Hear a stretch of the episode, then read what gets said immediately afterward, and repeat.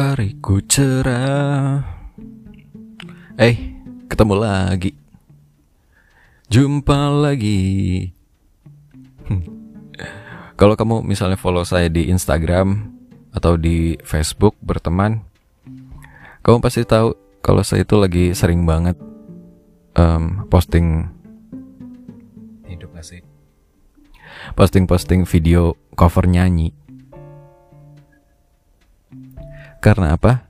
Ya karena saya nggak tahu mau ngapain. saya nggak tahu mau ngapain. Em, bukan nggak tahu mau ngapain sih, tapi bentar. Iya, udah, udah mendingan. Em. Eh, ya pengen ini aja, pengen nyanyi. Karena sudah sudah lama sekali saya nggak nyanyi, nggak nggak ketemu teman-teman band. Apa itu band? Apa itu ngeband? Saya udah nggak tahu. Saya sudah lama tidak merasakan atmosfer deg-degannya bagaimana menunggu giliran tampil, ada di depan penonton, yang mana waktu itu saya adalah lead ya vokal Terus teman-teman saya itu hanya berfungsi sebagai player ya, pemain, pemain musik bukan performer. Jadi mereka itu fokus ke alat masing-masing. Fokus ke teknikal masing-masing gitu. Caranya biar nggak fals tempo, nggak fals ini gimana. Jadi mereka tidak ini, tidak mau nonton ini, nggak mau ngeliatin penontonnya. Jadi sebagai lead saya harus ah, menunjukkan beberapa atraksi kayak gitu. Jadinya harus terlihat malah kok asik sendiri nih orang, yang lainnya biasa aja gitu. Saya selalu defensif gitu ya. Bukan saya yang terlalu agresif, teman saya yang nggak tahu porsinya kalau di panggung itu sebagai performer. Em, saya mau ngobrolin sesuatu. Jadi ke- kemarin tuh kepikiran tiba-tiba kalimat ini ada di kepala gitu. Kayak apa ya? Lupa. Bentar bentar bentar bentar. Intinya itu merujuk ke kalau bisa nyanyi belum tentu bisa jadi performer atau penampil. Oh iya saya nemu meme. Bisa nyupir belum tentu bisa mengendarai. Itu dari apa perpustakaan nasional apa ya? Ya nemu meme itu lalu saya kepikiran oh iya bisa nyupir belum tentu bisa mengendarai. Mungkin ya mungkin di pikiran saya artinya mungkin orang itu bisa bawa kendaraan tapi belum tentu dia bisa ngontrol kendaraan yang dia bawa. Itu bisa berjalan enak atau bisa berjalan sesuai dengan yang diharapkan. Tentu saja bukan yang diharapkan dia doang, tapi diharapkan sama yang numpang, penumpang yang di belakang, di samping kayak gitu. Terus karena lagi kepikiran soal band dan musik, ya jadi ini ya. Eh, bisa nyanyi, belum tentu bisa jadi performer, atau juga sebaliknya. Bisa jadi performer, belum tentu nyanyinya bagus. Ya gak sih? Ka- Kan ada beberapa tuh yang eh, public figure atau musisi, musisi yang saat ini lagi naik. Kayaknya dia nyanyi nggak bagus-bagus amat ya. Tapi lagunya hype, tapi lagunya banyak yang suka gitu. Ya jadi kepikiran dan juga ini ada beberapa orang yang teknik vokalnya bagus, nyanyinya bagus, mungkin hmm, lagunya kurang kurang masuk ke selera orang banyak di eranya mungkin ya. Jadi nggak mendapatkan banyak perhatian atau atensi orang lain. Padahal secara teknikal dia bagus banget. Berarti ada faktor X dong. Faktor yang memikat. Jadi hasil akhir itu belum tentu juga soal teknikalnya bagus apa enggak. Kadang-kadang yang teknis kurang rapi, tapi ada faktor X-nya gitu yang buat orang mau tahu dan mau denger atau mau mau uh, ya mau inilah mau mau menikmati kayak gitu ya jadi aja tapi ketika ada yang udah dipikirin secara teknis banget udah rapi harus seperti ini. Uh, soundnya stepnya harus kayak gini gini gini gini. Tapi mungkin ada yang missing atau mereka nggak punya faktor X atau nggak ada yang menonjol deh paling nggak. Rata aja gitu semua. Jadi nggak ke mana-mana.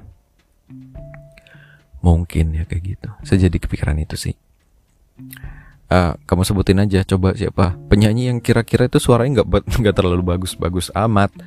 Cuma terkenal dan lagunya bagus mungkin atau lagunya banyak yang suka. Saya kasih contoh satu ya. Baskara. Kamu tahu dari band mana kan? Ya gitu deh. Ya mungkin itu karakter. Kalau saya bilang sih ya ya kalau lihat tutorial menyanyi di YouTube. Katanya kan semua orang bisa nyanyi tapi urusan bagus uh, bukan bagus ya. Kalau teknis itu bisa dipelajari tapi kalau misalnya karakter juga bisa dibentuk. Tapi untuk urusan masuk ke selera semua orang atau enggak itu hal yang lain. Mungkin secara teknis suaranya bagus merdu bulat tapi kayaknya yang lain juga ada deh yang kayak gitu. Nggak ada yang beda gitu yang nggak masuk juga. Kadang nggak masuk tapi nggak menempel di kepala orang lain. Bisa jadi kayak gitu. Atau ya kalau kasusnya yang itu Baskara itu secara lagu dia bagus. Marketingnya kayaknya kayaknya juga bagus. Tim tim ini tim digitalnya kayaknya juga bagus. Tim kontennya bagus. Dia juga punya visi dan konsep gitu.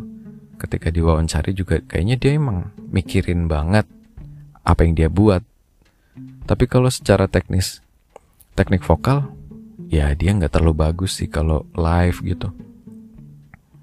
Menurut saya loh ya bukan mbak nggak bagus bukan nggak bagus tapi ya bukan selera saya aja kayak gitu buat seorang vokal gitu vokalis atau penyanyi kayaknya kurang. Tapi untuk performer ya buktinya dia punya banyak fans dan antusias yang nonton tuh banyak gitu. Berarti kan dia berhasil.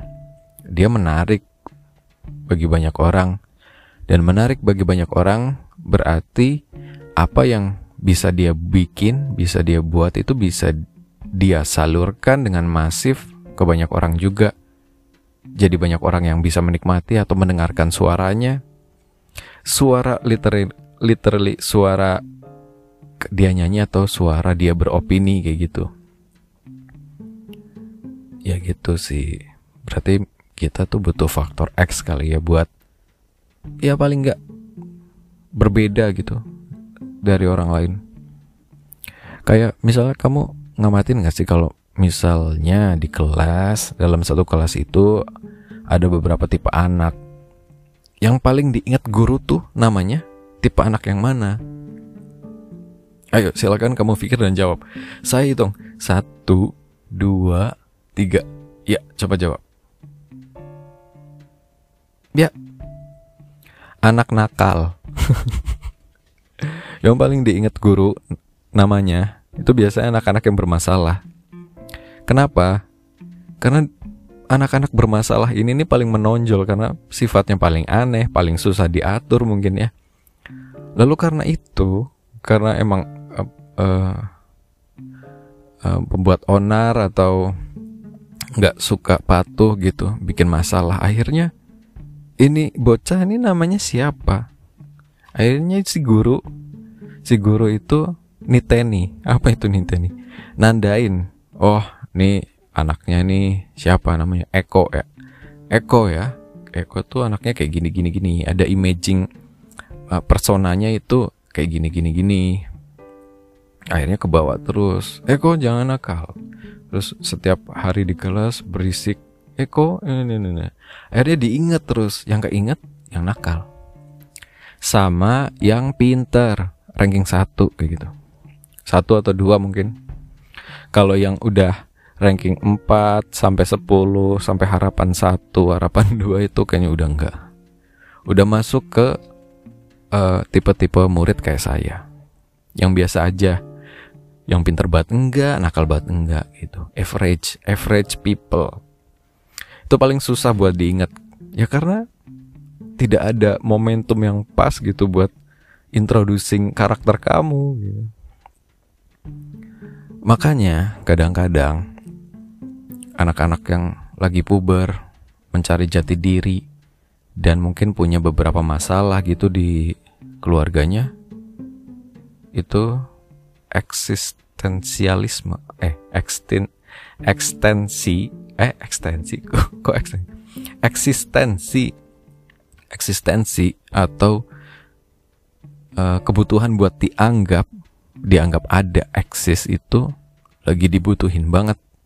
Mereka pengen mereka tuh dilihat, mereka dijadiin apa ya titik spot bintang gitu, dilihat sama paling nggak sama orang tuanya, sama orang sekitarnya, lalu lagi cari jati diri, yang mana uh, uh, anak-anak seperti itu akan cari idola. Dan sudah pasti kemungkinan besar akan meniru apa aja yang idola itu lakuin.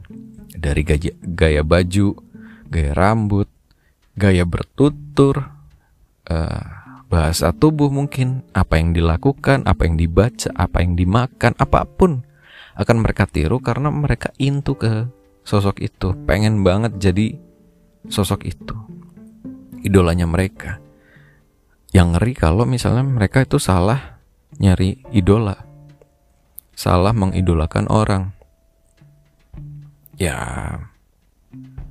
ya saya nggak mau ngejelekin beberapa beberapa tokoh tokoh internet ya. Sekarang banyak banget tokoh internet, artis TikTok, artis Instagram, siapa lagi gitu tapi followernya banyak banget. Mereka itu mungkin nggak terkenal di TV tapi mereka itu punya andil apa ya ditiru gitu sama anak-anak atau sama orang yang lihat ya orang yang lihat kalau dewasa mungkin sudah bisa berpikir ya ini serius atau enggak ini iya apa enggak gitu. Tapi kalau bocah kan kemungkinan besar mereka masih nyari. Mereka mungkin percaya kalau misalnya apa ya mereka mungkin percaya kalau misalnya itu uh, Deddy Corbuzier adalah dewa gitu apa gimana gitu.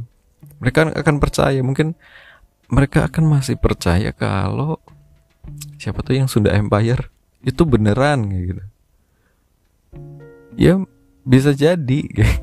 Karena mereka kan nggak tahu dan belum tertata gitu. Mungkin ya sebagian besar nggak semuanya.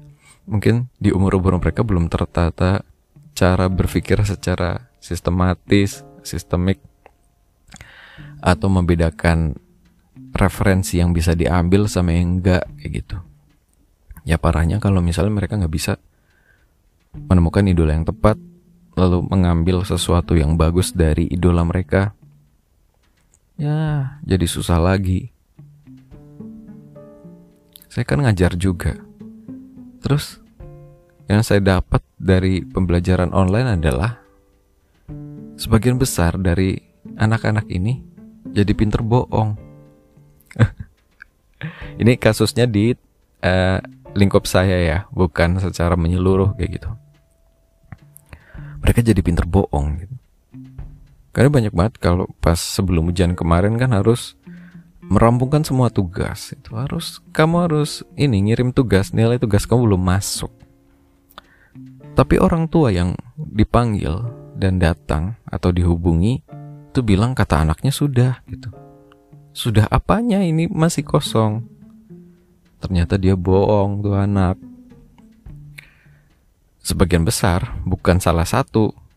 Berarti ada yang salah ini. Ada yang salah. Ada yang salah.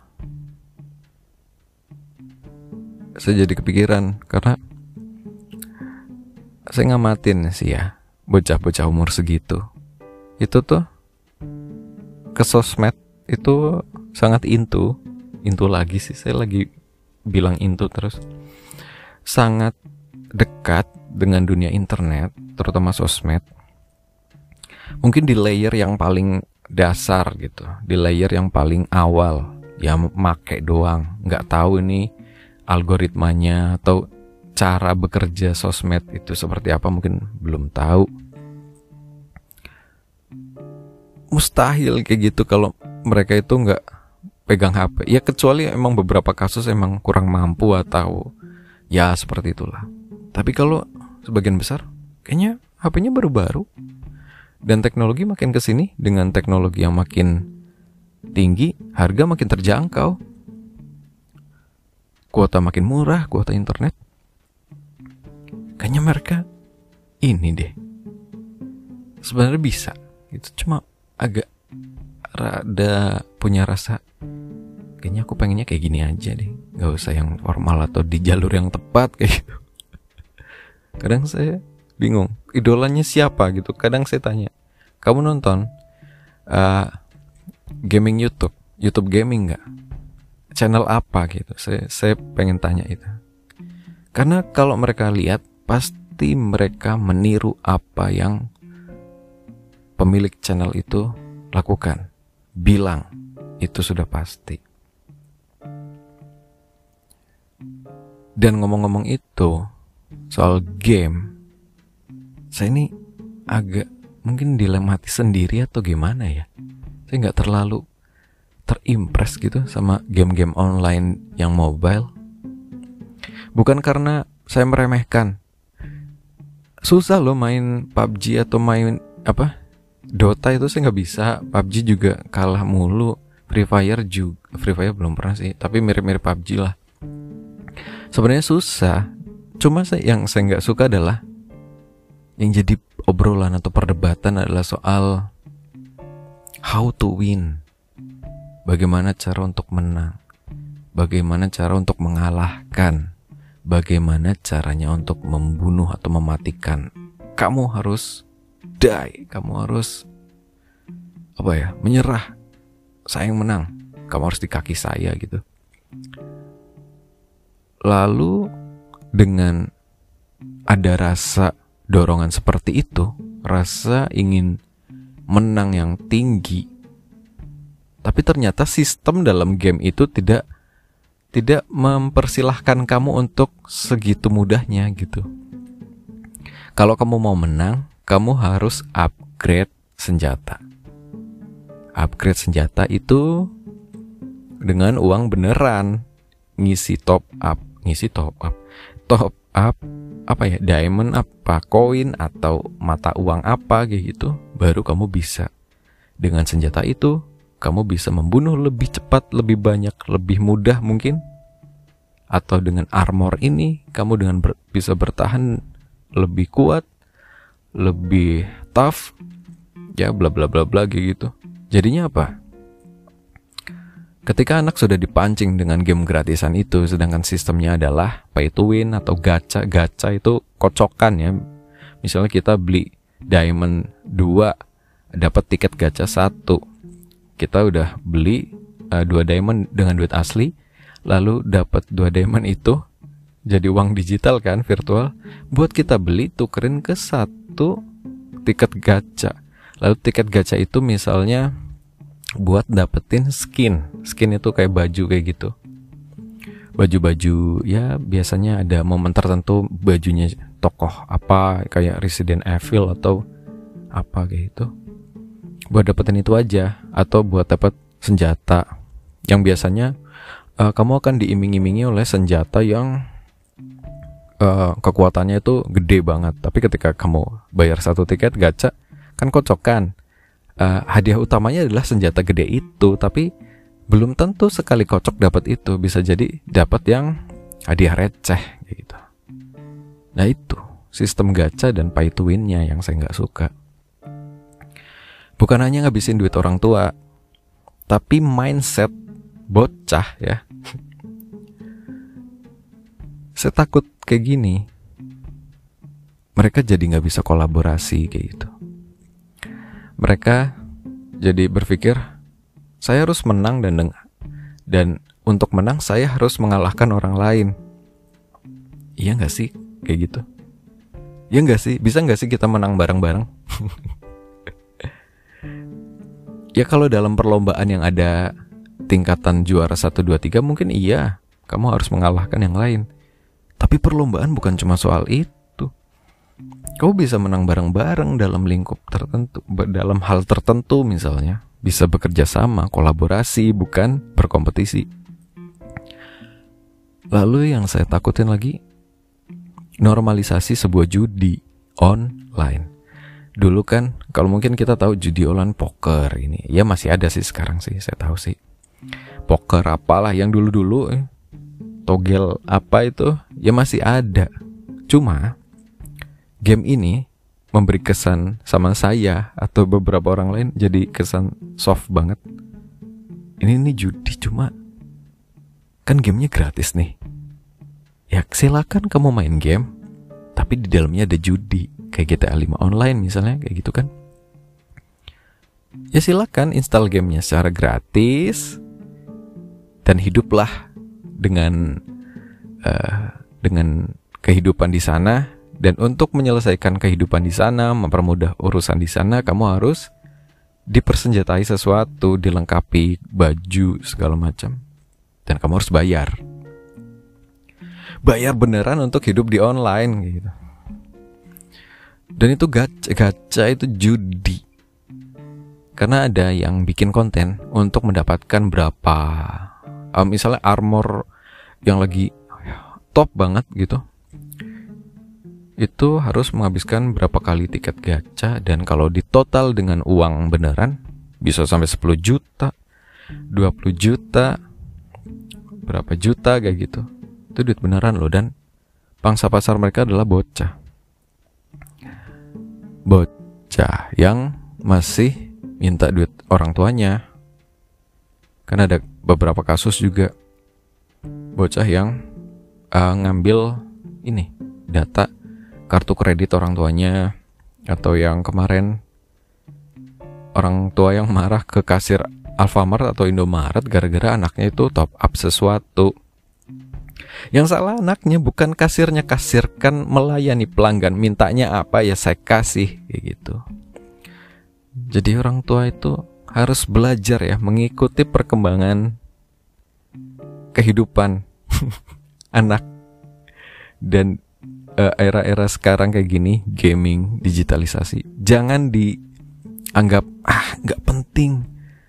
Ah ini nggak sesuatu yang nggak bagus. Bukan bukan sesuatu yang nggak bagus. Kita harus ikutin biar kita tahu cara mainnya ini kayak gimana sih. Biar anak kita nggak terjebak dalam ini tuh harus gimana? Kita harus tahu gitu.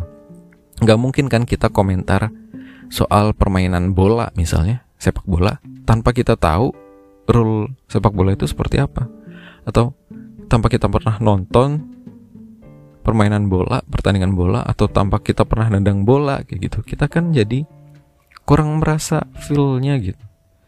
Nggak tahu beneran seperti apa. Tuh kucing ngapain? Duh, sorry nih.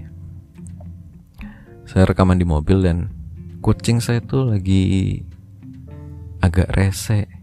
Entah dia puber atau pengen kawin.